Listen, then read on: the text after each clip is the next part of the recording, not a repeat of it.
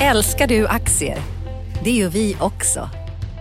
Sea Worldwide Asset Management är en av Nordens största oberoende aktiva aktieförvaltare och har samlad kunskap sedan 1986. Ta del av vår kunskap på seaworldwide.se.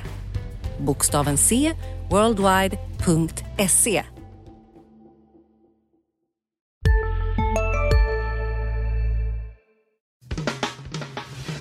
Analyspodden från Dagens Industri. Hej allihop och välkommen till veckans avsnitt av Dagens Industris analyspodd. Podden som kommer varje fredag och som diskuterar finansmarknaden. Eh, alltid och ibland blir det politik också beroende på vem som sitter i studion. Idag blir det nog mest aktier för idag är det jag, Ulf Pettersson och Martin Blomgren mitt emot. Ja, så är det. Så det blir mest börser. Ja, eller finns det något annat du vill eh, ha åsikter om? Eh, Nej, jag tror vi håller oss ganska mycket till börs. Men lite politik kan jag faktiskt uh, utlova att det ska bli uh, när vi blickar fram på viktiga händelser i sommar. Just vi har haft Trump i veckan och en väldig röra inom, inte det rödgröna utan det allianssidan mm. den här veckan med partiledare. Men, men oss, för oss som är mer intresserade av börsen så är det inte så jätteviktigt. Nej, det finns inget, inget morgonbrev som har skrivit om, om om man har pratat. Det kanske något har gjort men det har inte påverkat någon marknad i alla fall här. Det, får, det är klart det skulle man kunna om det blir liksom någon regeringskris och sådär men där är vi ju inte än långt ifrån.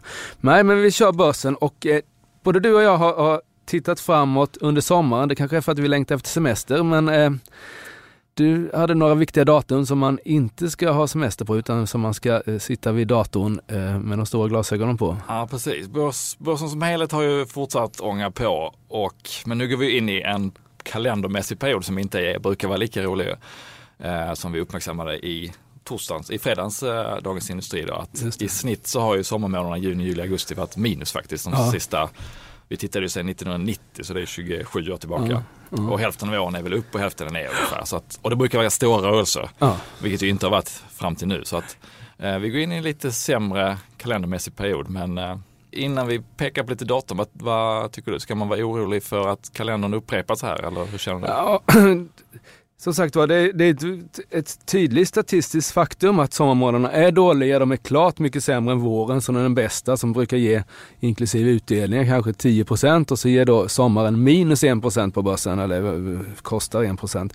Men det som gör att man ur ett statistiskt perspektiv ändå kan vara liksom lite optimistisk här är, det är att när börsen har gått bra som den har gjort fram till sista maj här, den var upp 10 procent. När den har gått 10 procent, så brukar trenden hålla i sig under sommaren i två, två somrar av tre. Alltså vi har haft nio, av de senaste 27 åren har vi haft nio år där börsen fram till maj har gått upp mellan 10 och 20 procent och i sex av de åren har sommaren fortsatt vara bra. Så det talar om, hade vi haft ett riktigt superrally då brukar det komma en rekyl under sommaren. Har vi haft en dålig vår med negat, ja, fallande kurser, då fortsätter, mm. fortsätter nedgången under sommaren. Så visst, Sommaren är en dålig period för börs men med tanke på hur våren har varit så kanske grogrunden är hyfsad. Ja, Utifrån ja. de siffrorna i alla fall. Ja, och jag instämmer nog där. Inte minst med tanke på att förra rapportperioden var så väldigt stark och efterfrågan ser ut att ha fortsatt för de eh, cykliska bolagen. Så att, att, att nästa rapportperiod skulle vara dålig i absoluta tal eller att vdarna skulle ja. säga att någonting har vänt ner alldeles, alldeles för mycket. Det är svårt att säga. Så att ja. det, det finns en positiv underton Eh, åtminstone fram till rapporterna skulle jag säga. För, för det, bland dina datum där så är rapportperioden är ju mitt i högsommaren nu för tiden, i juli där och där finns ju några. Precis, det kommer ju att sätta tonen för sensommaren och hösten skulle jag säga. Mm. Vecka 29 är veckan som man inte får ta semester om man, är, om man vill hålla koll på rapporterna för då kommer nästan alla de tunga och det börjar redan på måndagen där med Atlas Copco, Sandvik och Alfa Laval kommer också på måndagen den 17 juli. Så den dagen kan ju sätta, verkligen sätta tonen för börsen. Just det. För de är då. Men redan innan dess så är det ett par, ett par datum där det är lite politik och annat mm. inblandat. Och om vi börjar i kronologisk ordning så är det redan nästa vecka, 8 juni, då kommer britterna att köra sitt nyval. Just och det. det är väl ingen jättebörshändelse men däremot så Kan bli. det kan bli. Pundet skulle kunna wobbla till ordentligt till exempel, vilket ju kan påverka de som Mm. ser det mycket i Storbritannien. Kopparbergs bryggeri till exempel. Eh, stödet för Theresa May har ju varit jättestort men det har eh, kommit siffror på att hon inte har lika bra stöd som man trodde innan, inte lika stort försprång och då har pundet eh, droppat lite. Så att, Ja. Äh, Blir det, förlorar hon det där valet, då har vi en, tror jag, en ganska stökig period igen. För då blir det helt den här brexiten, hur den ska gå till och vad som händer och sådär.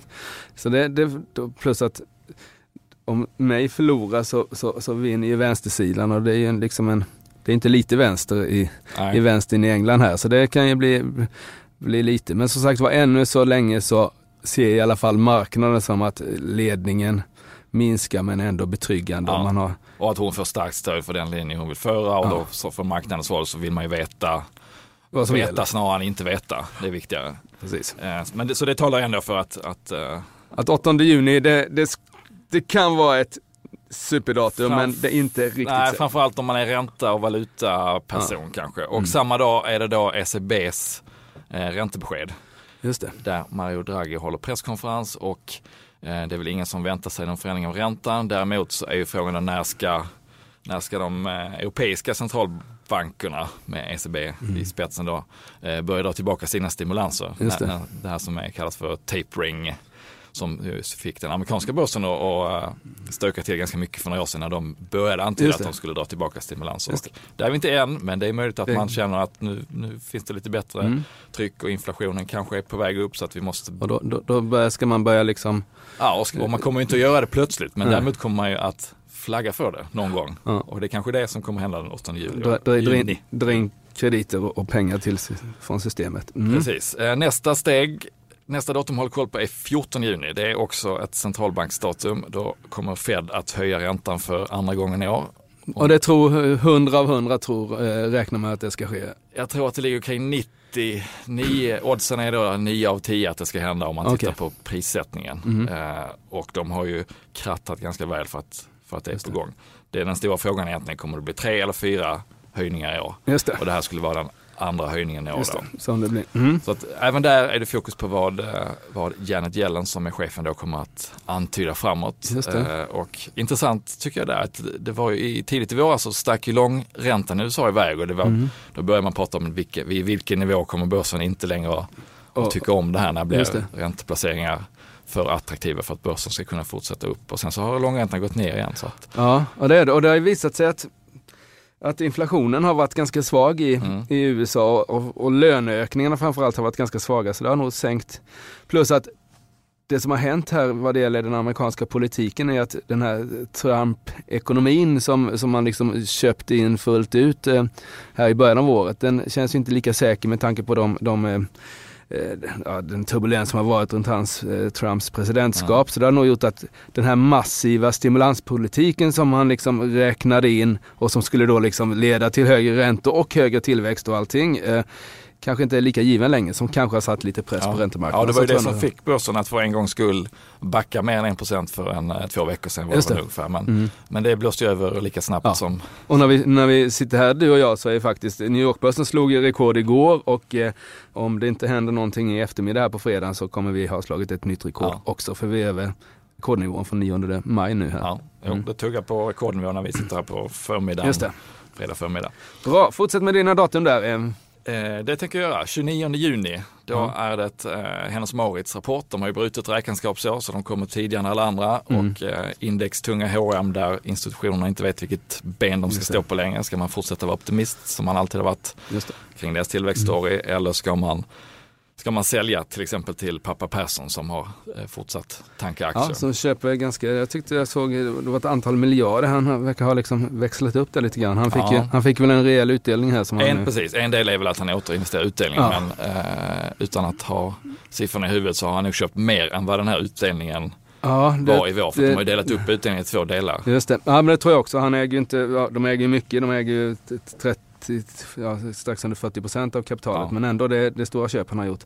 Ja det blir ju superspännande. Ja, det blir spännande. För 2017 ska ju vara då året när det vänder, när man får börja kunna skörda på de här stora investeringarna i IT och i nya koncept, Mm. Arket som det heter. Och eh, kanske få lite valutamedvind efter många tuffa år. Så att, och nu är vi halvvägs in i året Mm. så en, en jättebra rapport här skulle ju kunna, kunna få den att sticka iväg ordentligt Ja. med tanke på att den har aktien har pressats och eh, värderingsmässigt så är den ju inte längre bland de högt värderade bolagen Nej, på börsen. Att, eh, Den har ju alltid haft eh, P 20 eller över, ibland mycket över. Eh, och börsen har väl liksom legat på sig 13, 14 eller 12 beroende lite på. Men, men nu har liksom Ericsson kommit ner och börsen kommit upp här. Så nu är ju, det har i alla fall funnits en logik i det eftersom H&M haft en sämre vinstutveckling än, än börs, börsbolagen också. Så det har liksom varit rätt att sänka P-talet. Ja, men får vi se här vad som... Tillväxten har funnits där men inte marginalen. Så, vi, så i vinsten har det inte varit någon, eh, någon bra utveckling. Men, och omvänt då, skulle det vara väldigt oroväckande tecken i rapporten så finns det fortfarande många som är jättetunga som skulle kunna skakas ut av en, eh, Ja. av en riktigt dålig Ja, rapport. det, Så att- det tycker jag man ska, eh, och den brukar komma, eh, vill jag minnas, på morgonen där. Så då kan man ta kaffekoppen ute i det fina vädret på datorn och kolla hur det går. Den 29 sa du? 29 juni. Ja, det är spännande. Ja. Okej, och sen Näst- har vi juli då. Sen har vi juli då, då är det den 3 juli, måndag den 3 juli. Eh, då är det första vardagen i den månaden och då kommer ju som vanligt inköpschefsindex. Just det. Och det sprutar ut konjunktursignaler hela tiden. Mm. Ja. Så att man, det är liksom ingen brist på det. Men, men just inköpschefsindexen är ju intressanta. Dels därför att de är framåtblickande. Ja. De kommer från alla regioner samma dag. Eh, och eftersom vi har haft lite svaga signaler sista tiden Lite, här. lite Ja. faktiskt. Ki- Kina hade väl under 50 här. Kina var under 50 i, igår på torsdagen. Den Ja. svenska som fortfarande är jättehög gick ner mer än väntat. Eh, så att ska börsen knäckas av någonting så kanske, eller knäckas, ska den vända ner så kanske det är att man, man inte ser den här starka konjunkturutvecklingen längre och de cykliska bolagen som har gått Ja. jättebra skulle kunna få eh, Mm. backa lite på det. Ja. Så därför måste man hålla koll på konjunktursignalerna. Ja, och då är det- det den 3 juli. Det börjar bli spännande där, för som sagt var en superdålig hm rapport sänker ju inte bara H&M utan kanske lite börsen också. Eh, men sen har det bara några dagar senare de här, eh, Mm. och då, är de dåliga, det håller jag med dig om att det där kan vara en trigger som gör att den dåliga sommaren blir, blir verklighet även 17, 2017. För det har vi sett tidigare sommar att konjunktursignalerna är lite svajiga på sommaren och det som, som gör att den här oron kan hålla i sig då det är att man, man får inte riktigt svaret på om det var falskt alarm förrän kanske i september, Mm. eh, slutet på september eftersom det är semestermånaderna i juli i många länder och i hela augusti i stora delar av Ja. Europa. Och då, då, då vet man inte riktigt, är det här Nej. bara en tillfällig semestereffekt eller det fart igen? Och Ja. det vet man först i mitten på september. Så Är- dåliga sommarsiffror eh, tenderar att, skrämma upp mer än vad det ibland Mm. eh, har fog för. Just det, är det någon jourhavande in, inköpschef som, som inte vet att man ska sätta över 50 för att alla ska vara på gott humör som dyker in där och plitar ner 47 istället i siffrorna? Mm, ja, spännande. Ehm, Och sista datumet det var egentligen det som jag började med här då med när rapportperioden tar fart på allvar, 17 juli mm, med verkstadsrapporterna. Du har redan SCB har hunnit komma innan, de är tidigt ut men, Ja. men det, det är ju trots allt en svensk-nordisk företeelse och även om, om de tidigare har pratat en del om konjunkturfeelingen så är det ju ändå de stora globala industribolagen som är tunga i index och som har drivit upp, eh, drivit och börsen. men men, men eh, våra fyra banker är inte så små i index heller längre så visst har det bäring liksom SEB. Jo absolut, jag, jag tänkte mer som, som Mm, sätt över hela ja, tonen ja, för mm. rapportperioden. Så, Ja. Så räcker det inte med bara att SCB Nej, säger nej, någonting utan nej, nej. det är först när man får de här cykliska bolagen. ja, det, de skulle, det, det, det håller jag med dig om. om de skulle peka på en sämre orderingång eller, eller någonting Mm. sånt så, så finns det ju fallhöjd när aktierna Ja. har gått så bra och Ja. värderas liksom till P20 plus många det. av industribolagen. Mm, just det. Mm. Så där har ni fem datum att hålla koll på. 8 juni, 14 juni, 29 juni, 3 juli, 17 juli och sen blir det då den veckan som börjar med 17 Just det. juli som sätter tonen för resten av sommaren. Och hur ska du placera dina glasspengar då? Ska det, ska det, du, du, du tror att vi överlever den här sommaren med ett plus i kanten? Ja, jag tror vi överlever med ett litet plus i kanten. Eh, fram till rapporterna åtminstone eftersom lite svårt att se vad som skulle helt eh, vända på Nej, det är PMI då, den här eh, PMI-siffrorna där i början av juli Ja. som jag tycker ska bli spännande. Annars så är det ju låga räntor, eh, Mm. centralbankerna tassar ändå fram, Mm. inflationen tar inte riktigt fart trots att det är låg arbetslöshet. Med en värld i gungning blir det viktigare än någonsin med kunskap och diskussion. Att värna det fria ordet, för livet och demokratin. Så när du trodde att du visste allt, har vi alltid lite till. Privata affärer plus allt. All journalistik du behöver, samlad. Prova en månad gratis. Sista dagarna nu på vårens stora season sale. Passa på att göra sommarfint hemma, både inne och ute. Och fynda till fantastiska priser. Måndagen den 6 maj avslutar vi med Kvällsöppet i 21. Välkommen till Mio. Eh, rapporterna som har varit bra driver upp vinstförväntningarna och eh, håller börsen under armarna. Och den blir man nästan sugen på semester här då, för vi har pratat så väldigt mycket semester. Men det har ju, vi jobbar ju fortfarande och det har ju hänt en del i veckan här också. Som, finns det något som du har satt tänderna i som du tycker? Inte satt tänderna i, men veckans grej är väl ändå att eh, Christer Gardell flaggar upp i Ericsson. Ja det är det ju, det tycker jag. Vi om, var... man back, om man backar ett år tillbaka, där det var, då hade vi alltså Hans Westberg som vd. Om man då hade sagt att om ett år så kommer Hans Westberg vara ute och det är Börje Ekholm som är vd och Christer Gardell ser jättestora värden i Ericsson. Så hade man kanske haft svårt att argumentera för det scenariot. Ja, och hade du frågat, du träffade ju Unibet här i veckan, hade man frågat vad man hade fått för odds på det för ett år sedan, då hade man fått många gånger pengarna. Ja, det har varit bra odds på det. Ja, ja. Precis. Men vad, vad, tror du, vad är ja, det, Christer Gardells plan? Tittar man hur Christer Gardell har argumenterat i, i Ja, det är ju ganska många bolag han har varit inne i nu då. Det är, Telia var ett ganska bra tag sedan vi tar de stora bolagen. Han var ju inne i Lindex och gjorde en eh, mm. felsatsning i början men jag tror det blev ganska bra ändå till slut. Eh, eh, och sånt där. Men eh, tar vi ABB eh, har jag ju propagerat för en uppdelning av bolaget. Telia vill han ha en uppdelning av bolaget i, i Asien, Europa eller Norden i alla fall. Eh, Metso i Finland fick Metso i Finland, tyska investeringar.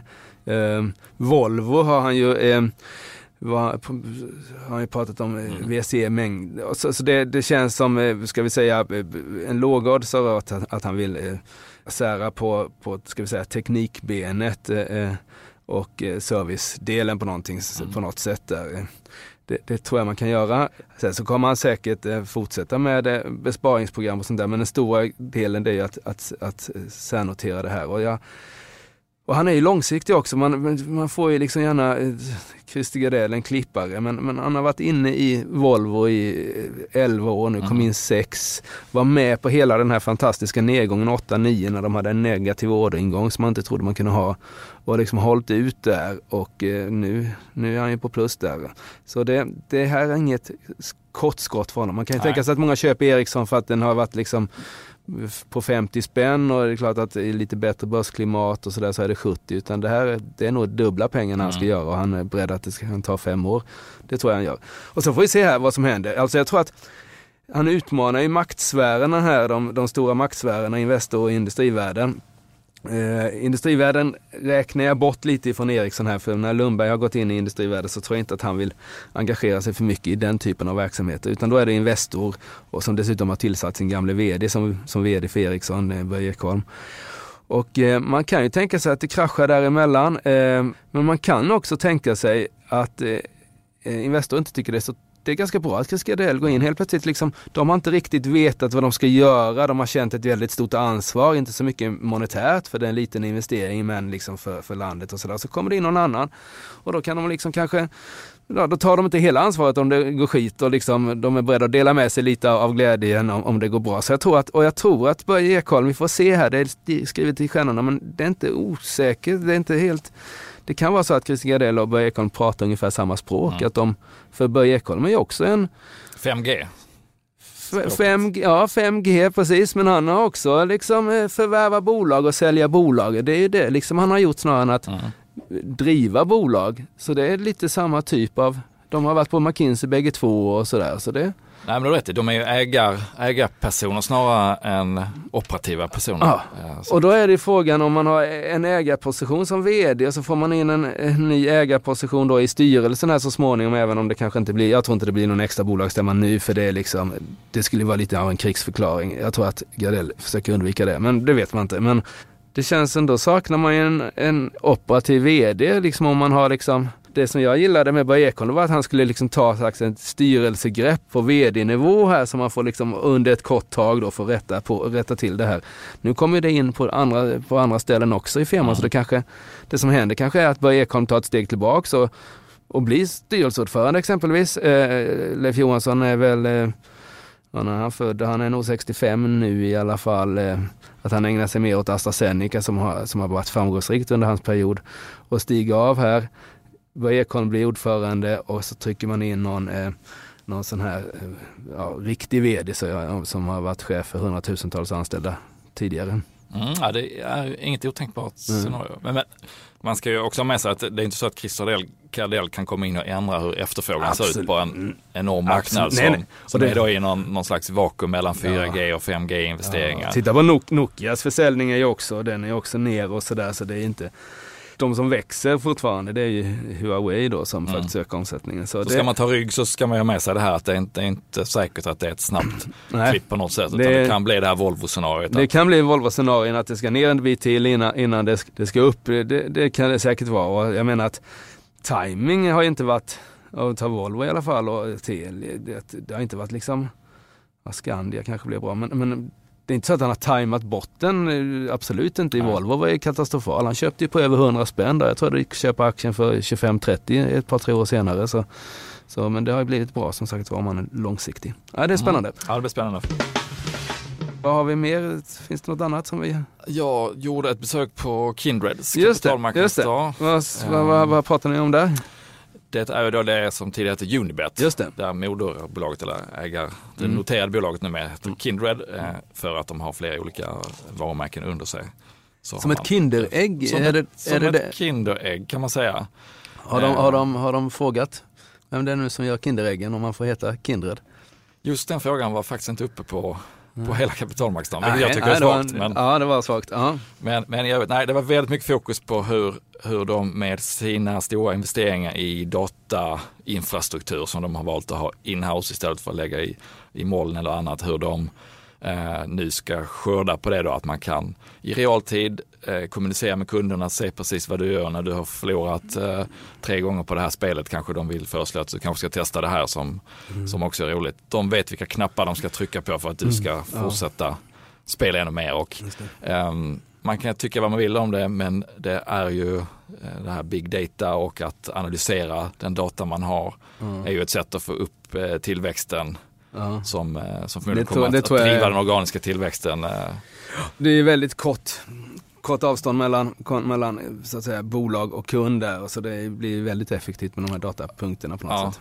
Eh, men, men i, i, det var liksom det de själv ville visa upp då, hur, mm. de, hur de har investerat i det här de senaste mm. åren och hur de ska kunna driva den organiska tillväxten. Eh, men sen så finns det ju den här svenska spelutredningen som kom för två månader sedan. Eh, som ju är väldigt intressant.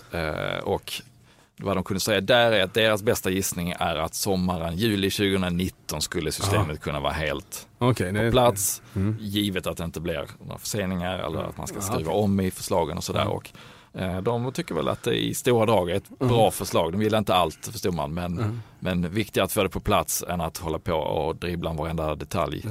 Um, och eh, vad, vad, sa de om förvärv då? För det, det, har de gjort en del. Och det, ja, det har de gjort en del och det vill de fortsätta lägga på toppen av den här organiska -huh. tillväxten som man själv driver då. Och mm. eh, de här eh, reglerade marknaderna som man vill vara inne på mm. eh, kommer att driva förvärv mer och jag tycker det intressantaste de närmaste åren ur svensk synpunkt blir vad som händer med Svenska Spels konkurrensutsatta del. För ett av förslagen i utredningen var ju att Svenska Spel ska delas upp i en del som får behålla då monopol eh, liknande eh, verksamhet, till exempel de fysiska kasinona medan det. det. finns andra delar som ska vara konkurrensutsatta och på lika villkor konkurrera med Betsson och, och Unibet och andra. Ja. Och Frågan är vad svenska staten vill göra med den delen. Ska man, man ha en, den. Mm. Ja, precis. Ska man ha en egen del som är fristående och som måste investera och marknadsföra? Ja, och köra datapunkter och eh, mejla folk. Nu har, nu, nu har vi toppen odds här. Det känns ju inte riktigt som staten precis. bör göra det. Men... Nej, eller ska man sälja den då till någon ja. och vem ska i så fall köpa den och vad blir priset? Och mm. Henrik Tjärnström som är vd på på Unibet eller Kindred då, eh, hans, hans syn var väl att om de ska sälja det så ska de kanske göra det snabbt för att få ett bra pris ja. innan vi som vi som de och konkurrenterna då som har byggt upp den här kapaciteten kommer in och konkurrerar. Prata något om marknadsföringskostnader här, för de har ju det är ju en ganska stor del. Kan det vara så att den här liksom, eh, nya typen av marknadsföring man kan göra med hjälp mm. av eh, datorernas kunskap om oss eh, påverkar den all den här tv-reklam och annan reklam man ser också? Ja, det, är, det är väldigt mycket marknadsföringskostnader. Det är nästan 30% av spelöverskottet som ja. man lägger på marknadsföring. Och Eh, ja, det pratar vi lite om och eh, eh, inställningen där är väl att i ett reglerat system så kommer det först att möjligtvis öka lite. Mm. Därför att då vill alla slåss om marknaderna för att sätta, cementera sin plats på en reglerad Få, marknad. få in kunderna som är up for grabs nu lite Ja grann. precis, och de som har licens då, att man vill bli en av de stora som har licens. Mm. Eh, Så då kommer det, det kommer vara fortsatt krig om, om kunderna där. Men i ett lite längre perspektiv så, så kanske man kan få bort mycket av det här bruset där det är 20 spelbolag Ja. på rad som eh, tv-annonserar och då kanske man kan Ta ner få man. ner, ja, då kan man ta ner. Som andel av, eh, av intäkterna i alla fall så kommer det sjunka på sikt. Så att först, först, en, eh, först uppgång och sen lite ner. Och det, Mm. det är väl egentligen samma sak med vinsten i ett reglerat system. För att först så får man ju den här spelskatten på sig som man inte hade innan. Nej, precis. Eh, Men å andra sidan så Och ska det är man då 18% kunna bort växa. direkt, ja. Det är 18% och så ska man kunna växa i ett system för att man blir en legitim aktör och då ska det kompensera för marginalpressen så att vinsten till slut ska kunna öka. Så att både marknadsföringskostnader och, och vinsten, då är det lite det här, eh, först kissar man i brallan och sen, eller blir det tvärtom? Ja, Först, först är det obehagligt och sen blir det skönt. Det är tvärtom mot att kissa i byxorna. Ja, det, jag vet inte. Eh, Ja, det, lämnar- den där liknelsen har jag aldrig riktigt förstått, men eh, ja, ja det, det har jag ju, men det, den är inte den Vi kan prata om sol, sol och regn istället när vi pratar om sommar. Först blir det regnigt och sen kommer, som, som, kommer solen kanske. Ja, precis. Och kostnadsmässigt blir det så. Först, först kommer det regn och sen kommer det sol. Och så lämnar vi kisset därhän. Ja, bra. Något annat? Ja, det är väl de stora pjäserna den här veckan och sen så blir det då som vi nämnde nästa vecka. Redan är det ju 8 juni med ECB och eh, britterna som går till val. Det är lite rapport också faktiskt. Eh, Claes Olsson kommer nästa vecka. Ja, de, här med brutna, det, hade, jag, hade jag tagit hade jag tagit anställning som IR, IR-chef någonstans, vilket jag inte ska göra, så skulle man nog liksom bytt, bytt eh, man ska komma när de andra inte kommer. Du pratar här om den, eh, vad var det, 19 juli då alla kommer, eller den veckan. Eh, däremot så de här som kommer nu då, klädbolagen, H&M, Clas Ohlson, alla de här med brutna, vi kommer ju, och sen så är det liksom sommar, vi kommer göra helsidor även på mindre klädbolag här. Så det, vill man ha publicitet så ska man byta Man upp bryta upp året. Eh, nej men det är bra. Eh, vad ska vi säga då? Vi har pratat om, om eh, sommaren som kommer. Både du och jag är eh, svagt positiva. Dels finns det eh, statist, statistik som tyder på det. Normalt sett är sommaren dålig men eh, när vi haft en bra vår så brukar det bli en bra sommar. Ja. Och de här siffrorna och Q1-rapporterna i, i bagaget gör att vi kanske ändå är lite optimistiska utan att vara Ja. euforiska kan man väl säga. Man, egentligen det är ju livsfarligt för man kan ju bara få fel om man, om man tror att det blir små rörelser. Men, eh, men jag tror att det, att det kommer fortsätta Ja, ja. ytterligare en period med det här. Normalt sett så brukar det vara stora rörelser. Ja, att det blir lågintensiva Lågintensiv börsuppgång. Ja, fram till eh, 17 juli. Då, kan man, eh, då får man liksom ta på sig eh, glasögonen igen och se vad som, hur man ska se på resten av sommaren. För då kommer bolagsrapporterna och innan dess har vi eh, PMI-siffror i början av juli. Ja. Bra, då får jag inte önska dig en glad sommar men en trevlig helg Martin.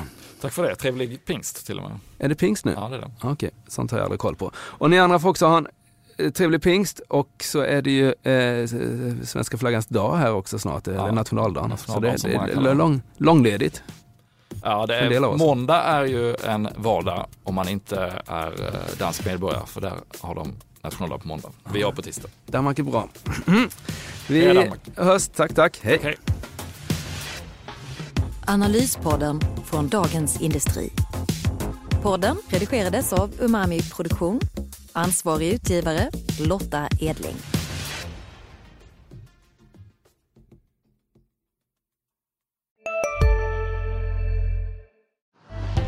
Älskar du aktier?